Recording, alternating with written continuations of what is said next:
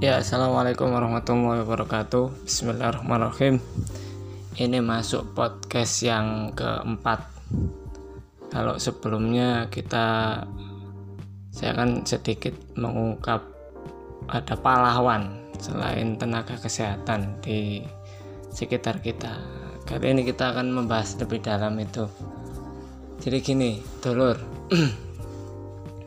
kita ini melihat kalau kita melihat ke belakang. Bangsa ini itu kan diislamkan dengan cara yang luar biasa. Jadi kalau kita lihat sejarah islamisasi itu kita bisa melihat bagaimana para ulama para wali para aulia itu tidak hanya menghadirkan seperangkat hukum syara tidak hanya menegakkan sebuah institusi politik tapi juga menanamkan Islam ini ke hati sanubari bangsa ini.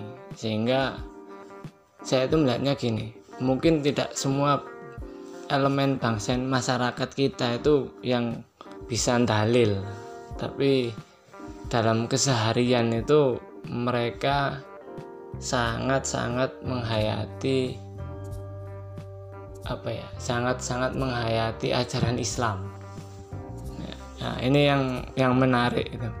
Contohnya gini uh, ini yang yang saya lihat ketika hari-hari ini, bagaimana kita bisa melihat mungkin tidak semua di antara kita yang hafal hadis yang berbunyi sungguh luar biasa orang-orang mukmin. Di mana apa pun yang mereka lakukan itu adalah suatu hal yang luar biasa.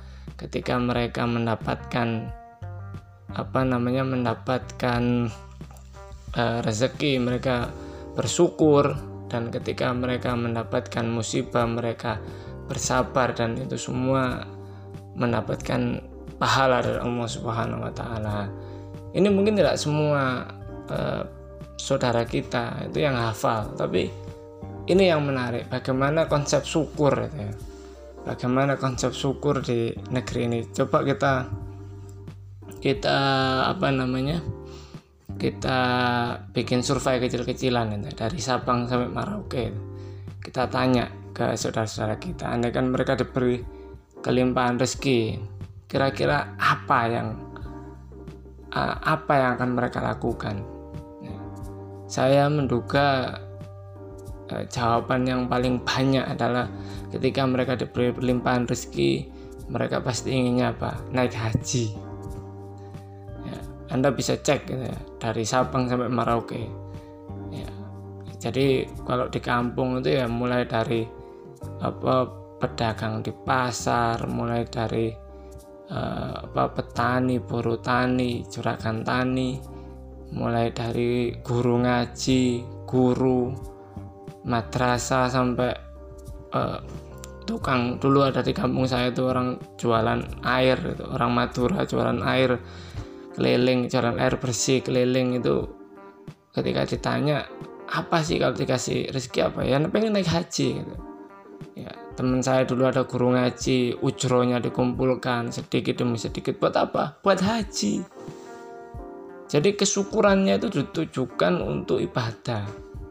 Padahal kita tahu haji di Indonesia itu berapa lama bayarnya mahal lama. Bahkan kadang-kadang yang unik sudah tahu lama menunggu 15 tahun 20 tahun. Bahkan ada yang 25 tahun untuk bisa berangkat itu. Di sela-sela menunggu itu mereka ngumpulin duit lagi untuk apa? Untuk umroh. Ya, ketika duitnya cukup mau umroh travelnya bermasalah apa yang mereka lakukan? Ya mereka tuh kadang-kadang ngomongnya gini saudara-saudara kita itu ngomongnya gini nggak apa-apa saya duit saya nggak balik yang penting saya bisa berangkat ke tanah suci. Nah, ini kan luar biasa. Bentuk kesyukuran tertingginya untuk ibadah. Nah, begitu juga bentuk kesabaran. Nah, ini yang menarik. Ya mungkin kemarin saya cerita ya ketika masa lockdown ini ada saudara-saudara kita itu yang masih nekat ya. ada pedagang apa keliling itu pedagang sayur keliling pedagang tempe pedagang tahu. Ya mungkin kita, saya saya mencoba tidak suudon wah mereka ini kurang pendidikan kurang informasi atau sampai yang kasar ya. Kuculuk sudah tahu diberi. Nggak boleh keluar masih keluar. Tapi saya nyoba nyoba husnudon jangan-jangan mereka ini mereka punya tekad seperti ini. Satu ya. Mereka merasa diberi amanah oleh Allah untuk memberikan nafkah keluarganya. Kalau nggak kelu nggak keluar dari rumah mereka nggak bisa menafkahi keluarga maka mereka terpaksa.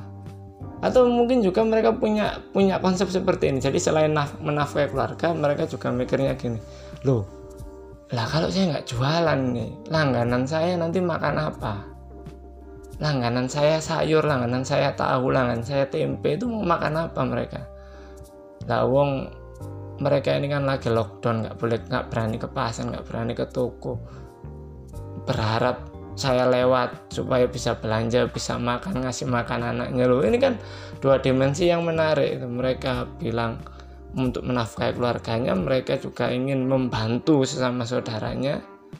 Dan akhirnya mereka nekat keluar. Mungkin mereka tuh ya dalam hati sudah berdoa tuh ya Allah mungkin yes kalau sampai kasih saya kena corona ya nggak apa-apa saya ridho. Mungkin mereka bilang gitu sampai matikan sekarang juga ridho mereka mungkin bilang gitu. Dan di situlah doa mereka mungkin ya kita nggak tahu itu loh.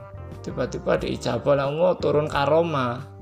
Lawang virus corona itu ya ciptanya Allah. Tiba-tiba di diminggirkan dari saudara-saudara kita yang seperti itu sehingga ya alhamdulillah sampai ini selesai wabah ini hilang mereka selamat.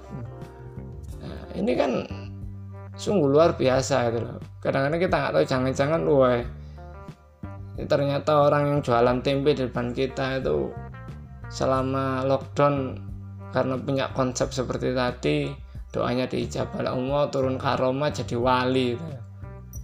kita kan nggak tahu itu loh. Ya dan inilah yang menarik itu ini konsep sabar yang tadi itu. Ya, konsep kesabaran. Nah inilah kemudian yang bikin merinding saya itu adalah ini muncul di tengah bangsa kita. Jadi saudara kita muslim di Indonesia ini uh, seperti itu gitu loh. Gaya hidupnya itu sebenarnya seperti itu. Cuma karena mungkin kurangnya ilmu kurangnya informasi uh, mereka mungkin dalam kehidupannya yo kadang menceng-menceng gitu loh.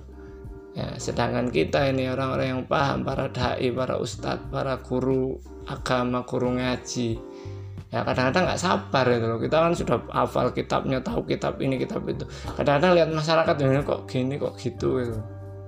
Ya, akhirnya apa ya istilahnya? Kok gini kok gitu? Padahal sudah saatnya gitu kadang-kadang saya mikirnya gini jangan-jangan memang betul itu apa yang dikatakan uh, ulama-ulama di Syam para imam Masjid Al-Aqsa yang mengatakan bahwa yang membebaskan Masjid Al-Aqsa itu bangsa ini yang nanti membawa kemenangan kebangkitan peradaban Islam di masa yang akan datang itu dari bangsa ini. Ya tadi itu. Ya tinggal bagaimana kita yang paham para hamlu dakwah itu menyingkronkan alur kehidupannya masyarakat itu supaya lurus gak menceng-menceng karena dalam diri mereka itu semua sudah ada kebaikan-kebaikan ya. Karena mungkin bisa jadi bangsa ini ya memang kita nggak tahu bahwa ini adalah bangsanya wali ya bangsanya wali ya. Assalamualaikum warahmatullahi wabarakatuh